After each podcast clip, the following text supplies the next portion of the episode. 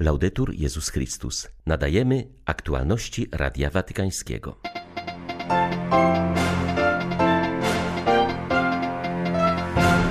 Papież Franciszek zapewnił o swojej modlitwie za ofiary trzęsienia ziemi w Indonezji. W Arsego koło Padwy odbył się pogrzeb arcybiskupa Oscara Rizzatto, który przez 17 lat do 2007 roku pełnił urząd papieskiego jałmużnika. Katolicy w Wielkiej Brytanii obchodzą dziesięciolecie ordynariatu dla byłych Anglikanów. 16 stycznia witają Państwa ksiądz Eryk Gumulak i Łukasz Sośniak. Zapraszamy na serwis informacyjny. Papież modli się za ofiary trzęsienia ziemi w Indonezji. W wyniku kataklizmu zginęły co najmniej 42 osoby, a ponad 600 zostało rannych. Wstrząsy o sile 6,2 stopnia miały miejsce w nocy w czwartku na piątek na wyspie Celebes. Wiele osób nadal znajduje się pod gruzami. Akcja ratunkowa jest utrudniona ze względu na brak odpowiedniego wyposażenia. O swej solidarności z poszkodowanymi Franciszek pisze w telegramie do nuncjusza apostolskiego w Indonezji. Papież zapewnia o modlitwie za zmarłych, rannych i pogrążonych w żałobie. Swoją myślą obejmuje też wszystkich, którzy w tych trudnych warunkach są zaangażowani w akcję ratunkową. Wczorajsze trzęsienie ziemi to nie pierwszy kataklizm, który dotknął mieszkańców tej wyspy. W 2018 roku silne trzęsienie ziemi i tsunami spowodowały śmierć ponad 4000 ludzi. Indonezja to rozległy archipelag, na którym żyje 260 milionów ludzi. Jest to jednak jeden z najbardziej aktywnych sejsmicznie regionów świata, dlatego często dochodzi tam do trzęsień ziemi, tsunami i erupcji wulkanów. W Arsego koło Padwy odbył się pogrzeb arcybiskupa Oscara Rizzatto, który przez 17 lat do 2007 roku pełnił urząd papieskiego jałmużnika – to właśnie jego podpis widnieje na niezliczonych papieskich błogosławieństwach, które w tym okresie wydał Urząd Dobroczynności Apostolskiej. Arcybiskup Rizzato zmarł 11 stycznia w wieku 91 lat. Służbę w stolicy apostolskiej rozpoczął w 1961 roku, jeszcze za pontyfikatu Jana XXIII. Po osiągnięciu wieku emerytalnego posługiwał w watykańskiej parafii świętej Anny. Wystosowany na pogrzeb papieski telegram kondolencyjny wspomina go jako skromnego sługę Kościoła, który pielęgnował w sobie życie duchowe i troskę o najsłabszych. Kryzys COVID-19 to wielkie wyzwanie dla wspólnoty międzynarodowej, uważa arcybiskup Gabriele Caccia, stały obserwator stolicy apostolskiej przy Organizacji Narodów Zjednoczonych. Ostatnio rozmawiał o tym w Watykanie z papieżem Franciszkiem. Zdaniem watykańskiego dyplomaty, pandemiczny kryzys może jednak doprowadzić do zacieśnienia współpracy między narodami, mówi arcybiskup Kaccia. Bardzo często w chwilach trudności pojawia się pokusa, by zamknąć się w sobie, szukając w ten sposób ocalenia. Bo wydaje się, że zamykając się w swym małym świecie, chroniąc się przed innymi, uda się znaleźć jakieś rozwiązanie. Widzimy jednak, że rozwiązania kryzysu trzeba szukać wspólnie, bo świat w coraz większym stopniu staje się jedną wielką rzeczywistością. 75 lat temu była II wojna światowa. Na jej zakończenie zrozumiano, że dążenie do realizacji interesów nacjonalistycznych czy niektórych tylko krajów nie ma przyszłości. Dlatego właśnie utworzono Organizację Narodów Zjednoczonych. Myślę, że również podczas aktualnego kryzysu świat zrozumie, że tylko razem można wejść na drogi, które doprowadzą do trwałego rozwiązania problemów, z którymi wszyscy się borykają.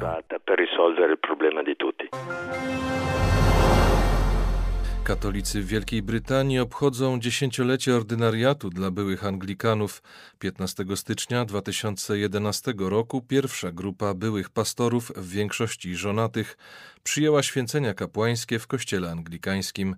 Był wśród nich Kate Newton, w przeszłości biskup anglikański, który tego samego dnia został mianowany przełożonym ordynariatu. Podkreśla on, że po dziesięciu latach ordynariat silnie zakorzenił się w rzeczywistości brytyjskiego kościoła. Liczy on ponad 100 kapłanów i 25 parafii. Co znamienne, uczęszczają do nich nie tylko byli Anglikanie, ale również pozostali katolicy. W ten sposób tradycja anglikańska, która została zachowana w ordynariacie, w jego liturgii i duchowości, ubogaca Kościół katolicki. Ksiądz Newton zauważa, że doświadczenie ordynariatu ma zgodnie z intencją Benedykta XVI znaczenie profetyczne. Wskazuje drogę do jedności Kościoła. W dzisiejszym ekumenizmie wkłada się dużo wysiłku w zrozumienie doktryny innych wyznań i jest to bardzo ważne ale nie podjęto jeszcze refleksji nad tym, co trzeba zrobić w praktyce, aby przywrócić jedność Kościoła. Aktualnie ordynariat jest jedyną rzeczywistością, gdzie zrobiono ten krok w kierunku jedności. Jesteśmy pierwszą od czasów reformacji grupą, która oficjalnie weszła na drogę powrotu do Kościoła. Ukazujemy to, co może stać się w przyszłości, że jest to możliwe, mówi ksiądz Newton zapewnia, że jako katolicy wywodzący się z tradycji anglikańskiej nie zostali wchłonięci przez Kościół powszechny, lecz są w pełni szanowani w swej odmienności. Zwierzchnik brytyjskiego ordynariatu dla byłych Anglikanów podkreśla, że ważnym wydarzeniem była dla nich kanonizacja kardynała Newmana, który podobnie jak oni zdecydował się na przejście do Kościoła katolickiego i teraz oficjalnie został uznany za wzór do naśladowania. Ksiądz Newton przypomina, że również Newman myślał o utworzeniu anglikańskiego kościoła unickiego. Teraz urzeczywistnia się to w ordynariacie, gdzie zachowane zostały elementy, które zrodziły się podczas anglikańskiej reformacji, a zarazem są zgodne z wiarą katolicką.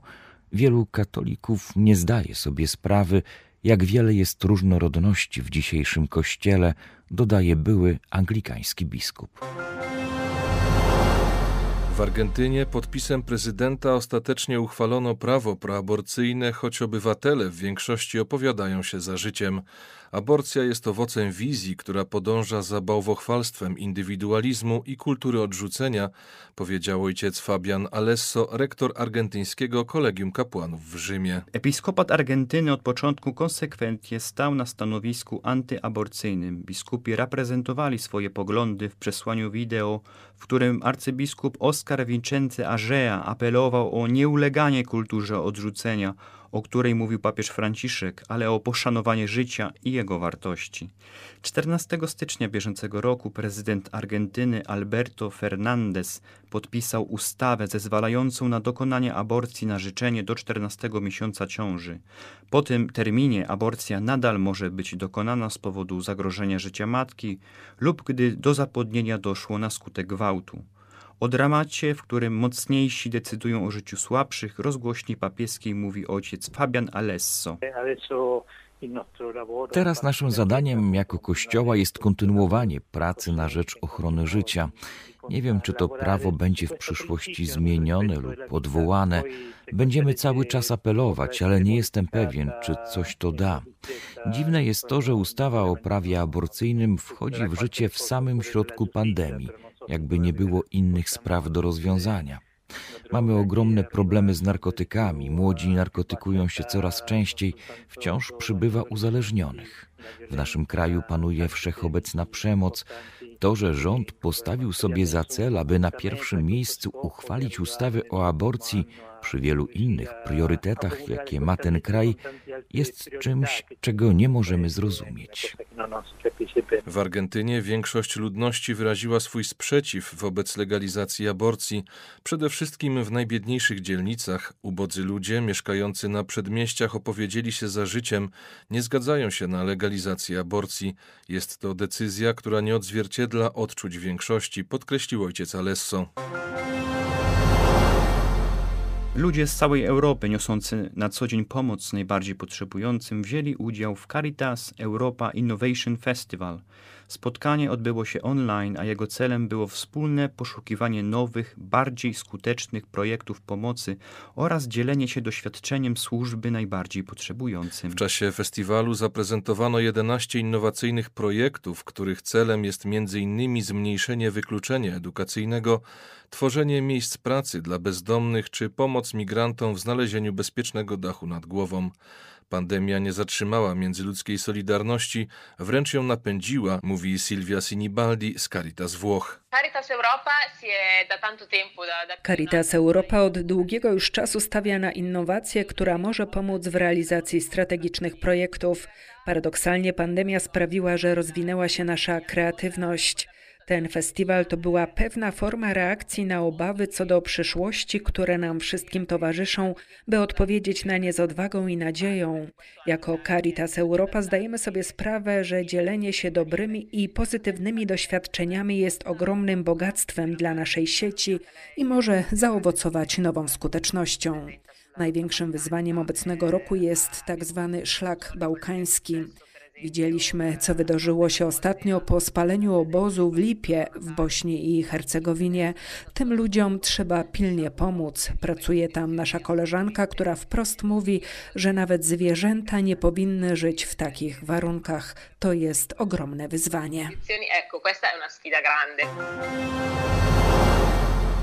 ofiar zbieranych w czasie Światowego Dnia Misyjnego Dzieci powstaje wiele projektów pomocowych skierowanych właśnie do najmłodszych. Jednym z nich jest budowa przedszkola w najuboższym regionie Albanii, gdzie przez całe dziesięciolecia dyktatury komunistycznej próbowano wyrugować wiarę chrześcijańską. 25 lat temu do miejscowości Torowicze przyjechały włoskie misjonarki. Ludzie po raz pierwszy zobaczyli siostry zakonne, razem z nami zaczęli odbudowywać życie religijne, mówi pracująca tam od początku 76-letnia siostra Assunta Dolimpio. Stare budynki, w których misjonarki niosły pomoc, chylą się ku upadkowi, stąd między innymi potrzeba budowy nowego przedszkola. Le attività Działalność naszej misji jest odpowiedzią na bieżące potrzeby. Jest to przedszkole, katechizacja, w tym także dorosłych, duszpasterstwo młodzieży i animacja liturgiczna w czterech okolicznych wioskach. W naszym domu znajduje się mała apteka i punkt pielęgniarski dla najbardziej potrzebujących.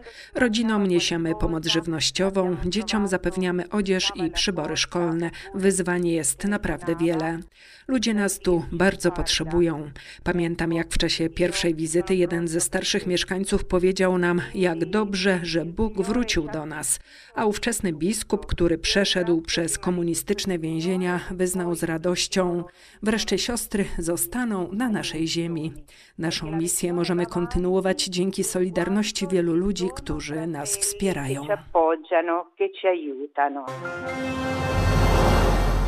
Episkopat Etiopii po raz kolejny zwraca uwagę na pogłębiający się kryzys humanitarny w Tigraj, gdzie toczą się walki między siłami rządowymi a lokalnymi bojówkami. Tysiące ludzi umiera z powodu ran, głodu i braku leków. Inni są zmuszeni do opuszczenia swoich domów z obawy przed śmiercią napisał biskup Tesfa Selassie Methin Zadigrat z Etiopii, miasta położonego w rejonie Wal. Zdaniem Afrykanistów na obecnym etapie konfliktu niemożliwe jest zaangażowanie wspólnoty międzynarodowej, a to wyklucza szerszą pomoc cierpiącym, mówi Luca Paddu, historyk i afrykanista z Uniwersytetu imienia Fryderyka II w Neapolu. Myślę, że w tej chwili nie można oczekiwać, by w konflikt zaangażowała się wspólnota międzynarodowa, na przykład ONZ. Nie liczę też na to, by powstała obecnie jakaś międzynarodowa, niezależna komisja mająca za cel ocenę naruszeń praw człowieka. Etiopia to kraj, który historycznie zawsze patrzył z podejrzliwością na międzynarodową ingerencję wewnętrzne sprawy polityczne. Podejście zastosowane przez premiera Ahmeda podczas tygodni konfliktu w Tigraj potwierdza ten trend. Ponadto Unia Afrykańska uznała wewnętrzny charakter tego konfliktu w Tigraj, a to sprawia, że możliwość zaangażowania Narodów Zjednoczonych w celu prowadzenia działań pokojowych jest odległa i póki co niewykonalna.